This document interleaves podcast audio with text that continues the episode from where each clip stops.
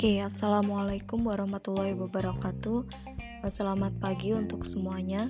Pada kesempatan kali ini, saya Erika Merliana Dewi akan membahas sedikit tentang pendapatan negara bukan pajak atau PNBP.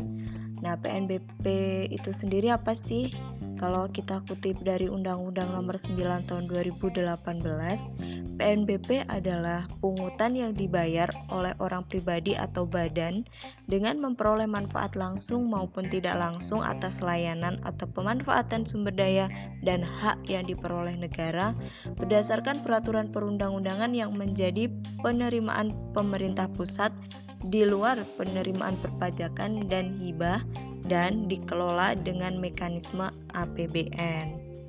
Nah, dalam PNBP ini ada beberapa klaster untuk objeknya. Yang pertama, ada pemanfaatan sumber daya alam yang meliputi bumi, air, udara, ruang angkasa, dan kekayaan alam yang dikuasai oleh negara.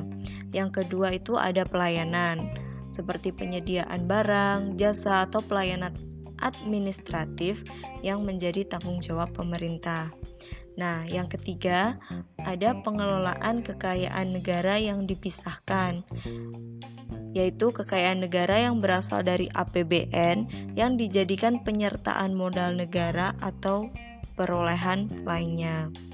Nah, yang keempat, ada pengelolaan barang milik negara yang meliputi penggunaan, pemanfaatan, dan pemindah tanganan semua barang yang diperoleh atas beban APBN dan perolehan lainnya.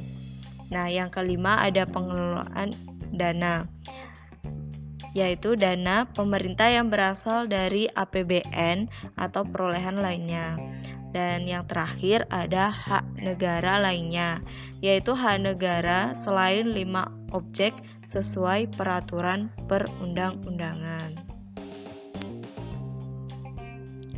Oke, seperti yang kita ketahui bahwa PNBP ini itu adalah sebuah pungutan, yang mana sebuah pungutan itu pasti memiliki tarif yang menjadi dasar pengenaannya. Dalam penentuan tarifnya itu ada dua hal yang perlu diperhatikan. Yang pertama itu dasar pertimbangan dan yang kedua itu dasar hukum. Tarif PNBP ditentukan berdasarkan beberapa pertimbangan, di antaranya yang pertama nilai manfaat, kadar atau kualitas sumber daya alam. Yang kedua, dampak ta pengenaan tarif. Yang ketiga, ada kebutuhan investasi, kondisi keuangan dan operasional badan. Yang keempat, ada nilai guna aset tertinggi dan terbaik. Nomor lima ada aspek keadilan. Yang keenam atau yang terakhir adalah kebijakan pemerintah. Nah, penentuan tarif PNBP juga memiliki dasar hukum, yaitu yang pertama undang-undang, yang kedua peraturan pemerintah, yang ketiga peraturan menteri, dan yang terakhir adalah kontrak. Nah, untuk tarif PNBP itu sendiri itu ada dua bentuk. Yang pertama itu spesifik dan ad valorem. Yang spesifik ini berarti tarif yang ditetapkan dengan nominal uang. Terus yang kedua itu ad valorem itu adalah tarif yang ditetapkan dengan persentase atau formula. Nah, untuk tarif PNBP ini tuh ada yang spesial loh. Nah, yaitu tarif yang besarnya hingga 0%. Nah, pada tarif ini tuh ada dua pertimbangan untuk pengenaannya. Yang pertama, ditujukan untuk penyelenggaraan kegiatan sosial, keagamaan, kenegaraan, dan penanggulangan bencana atau keadaan kahar. Yang kedua, untuk masyarakat tidak mampu, mahasiswa berprestasi, dan usaha mikro kecil dan menengah. Nah, dalam pengelolaannya ada beberapa pihak yang terkait. Di antaranya adalah Menteri Keuangan selaku pengelola fiskal berwenang untuk menyusun kebijakan umum pengelolaan APBN, mengevaluasi, menyusun, dan menetapkan jenis dan tarif PNBP pada instansi pengelola PNBP. Yang ketiga, menetapkan target dan pagu penggunaan PNBP dalam rangka RAPBN atau RAPBNP. Dan yang terakhir, melakukan pengawasan terhadap perencanaan, pelaksanaan, dan pertanggungjawaban PNBP. Nah, selanjutnya untuk Menteri Keuangan selaku Bendahara Umum Negara itu berwenang untuk menetapkan PNBP tertentu sebagai PNBP yang dikelola oleh Bendahara Umum Negara, antara lain PNBP dari pengelolaan kekayaan negara yang dipisahkan dan PNBP yang perhitungan dan penetapannya membutuhkan earning process atau PNBP di sektor migas dan panas bumi.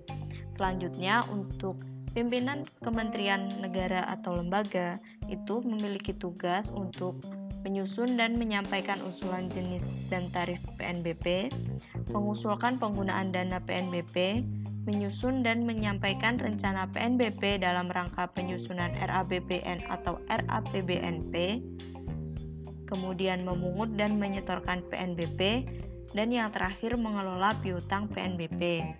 Nah, ada satu lagi pihak yang terkait yaitu mitra instansi pengelola PNBP yang tugasnya adalah membantu instansi pengelola PNBP melaksanakan sebagian kegiatan pengelolaan PNBP yaitu pemungutan, penyetoran, dan atau penagihan PNBP. Oke, selanjutnya ada tahapan pengelolaan PNBP. Secara umum, tahapan pengelolaan PNBP itu ada empat, yaitu perencanaan, pelaksanaan, pertanggungjawaban, dan pengawasan. Untuk perencanaan PNBP itu e, tertuang dalam penyusunan RAPBN atau RAPBNP. Untuk pelaksanaannya, yaitu penentuan PNBP terutang, pemungutan, pembayaran atau penyetoran, penggunaan PNBP, pengelolaan piutang, penetapan, dan penagihan PNBP. Yang selanjutnya, pertanggungjawaban, yaitu penatausahaan dan pelaporan PNBP. Dan yang terakhir itu ada pengawasan. Yang dimaksud pengawasan adalah pengawasan atas perencanaan, pelaksanaan, dan pertanggungjawaban PNBP.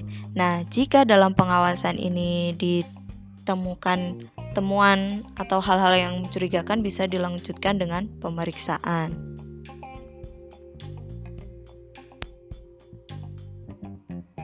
Dalam pelaksanaan pengelolaan PNBP, instansi pengelola PNBP wajib melakukan verifikasi atas PNBP terutang yang dihitung oleh wajib bayar. Tujuannya agar meningkatkan kepatuhan wajib bayar, khususnya bagi yang menghitung sendiri kewajibannya supaya dapat meminimalisasi potensi kerugian negara. Nah, selanjutnya itu ada pengawasan PNBP. Pengawasan PNBP itu dilakukan oleh dua pihak. Yang pertama itu oleh APIP dan yang kedua itu oleh Menteri Keuangan. Instansi pengelola PNBP melaksanakan pengawasan intern atas pengelolaan PNBP yang dilakukan oleh aparat pengawasan intern pemerintah yang bertanggung jawab langsung kepada menteri atau pimpinan lembaga. Nah, sedangkan pengawasan yang dilakukan oleh Menteri Keuangan itu bertujuan untuk meningkatkan kualitas perencanaan, pelaksanaan, dan pertanggungjawaban PNBP. Nah, bentuk dari pengawasan yang dilakukan oleh Menteri Keuangan ini tuh berupa verifikasi, penilaian, dan atau evaluasi.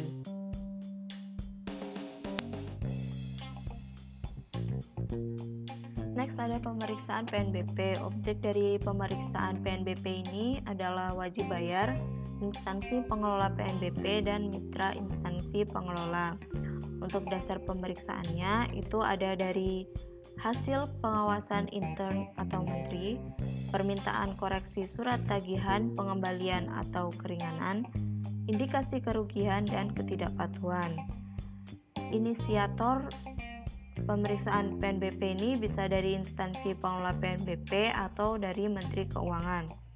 Nah, ruang lingkup pemeriksaannya itu ada di kepatuhan pemenuhan kewajiban wajib bayar, pemenuhan ketentuan PNBP oleh instansi pengelola PNBP dan mitra instansi pengelola, dan juga tata kelola PNBP. Hasil dari pemeriksaannya itu berupa laporan pemeriksaan dan surat ketetapan PNBP berupa surat ketetapan kurang bayar, nihil, ataupun lebih bayar. Oke, untuk keadaan tertentu, wajib bayar itu bisa mengajukan keberatan, keringanan, dan pengembalian PNBP. Yang pertama adalah pengajuan keberatan.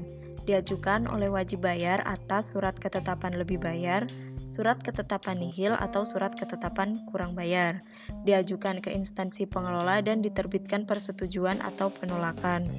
keputusan ini tuh nanti bersifat final, akan tetapi wajib bayar masih bisa mengajukan gugatan atas putusan keberatan itu ke PTT UN. Nah, selanjutnya untuk keringanan, dasar pengajuannya itu ada tiga. Yang pertama, kondisi kahar, kesulitan likuiditas, atau kebijakan pemerintah. Bentuk keringanannya itu bisa berupa angsuran, penundaan, pembebasan, atau pengurangan. Nah, keringanan, pengurangan, dan pembebasan itu membutuhkan persetujuan dari menteri dan atau pertimbangan APIP atau rekomendasi instansi pemeriksa ketika wajib bayar itu mengalami kesulitan likuiditas. Nah, yang selanjutnya itu ada pengembalian. Nah, dasar pengajuannya itu adalah salah bayar atau salah setor, salah pungut, penetapan atas pengajuan keberatan, keputusan pengadilan, hasil pemeriksaan, pelayanan tidak terpenuhi atau ketentuan perundang-undangan. Bentuk pengembaliannya itu bisa berupa pembayaran di muka kewajiban PNBP terutang selanjutnya atau dengan pemindah bukuan. Nah, dalam Undang-Undang Nomor 9 Tahun 2018 itu juga diatur hak dan kewajiban untuk wajib bayar.